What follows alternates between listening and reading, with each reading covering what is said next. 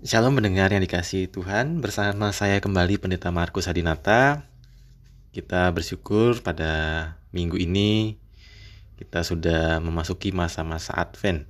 Dan firman Tuhan hari ini akan kita renungkan dari kitab Galatia Pasal 4 Ayatnya yang keempat sampai 5 tetapi setelah genap waktunya, maka Allah mengutus anaknya yang lahir dari seorang perempuan dan takluk kepada hukum Taurat. Ia diutus untuk menebus mereka yang takluk kepada hukum Taurat, supaya kita diterima menjadi anak. Mendengar yang dikasih Tuhan, mengapa kita merayakan Natal?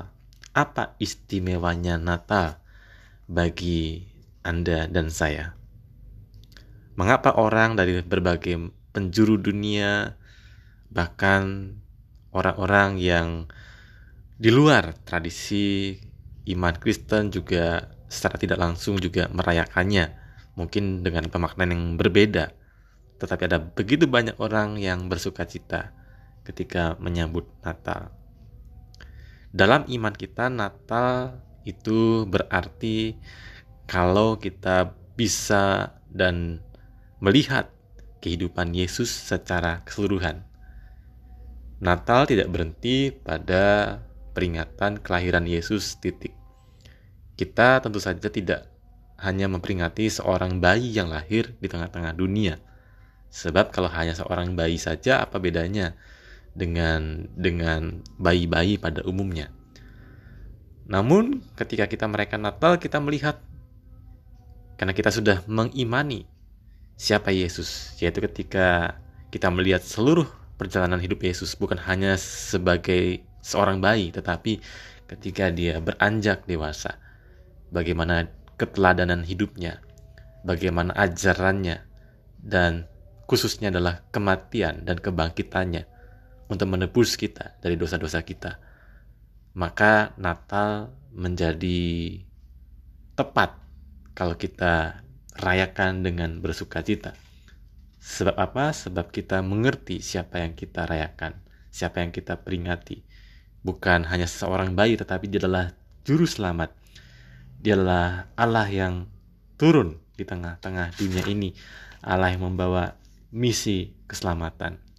Maka ketika kita merayakan Natal, seyogyanya pikiran kita, hati kita tidak hanya fokus terus-menerus dalam nostalgia, di Palungan ada seorang bayi yang lahir Bethlehem. Tetapi juga pikiran kita semestinya juga beranjak yaitu pada pribadi yang berjalan keliling di daerah Palestina di Sungai Yordan kemudian yang yang banyak menyembuhkan orang sakit mengusir setan-setan memberitakan kabar baik dan bahkan yang Akhirnya dia dipaksa untuk memikul salib sampai dia disalibkan di atas di Golgota itu.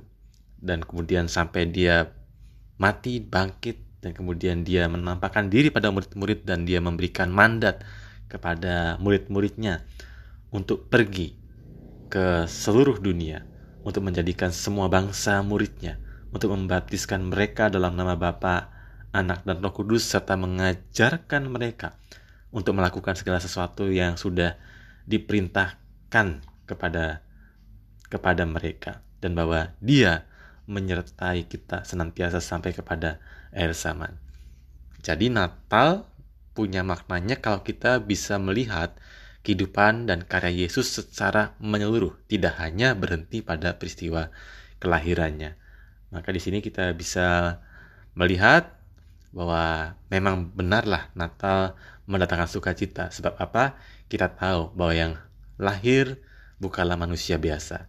Yang lahir adalah Tuhan dan Juru Selamat yang datang untuk merengkuh kita, untuk memulihkan, memberikan pengampunan hidup yang baru bagi kita. Maka hati kita boleh bersuka cita. Amin.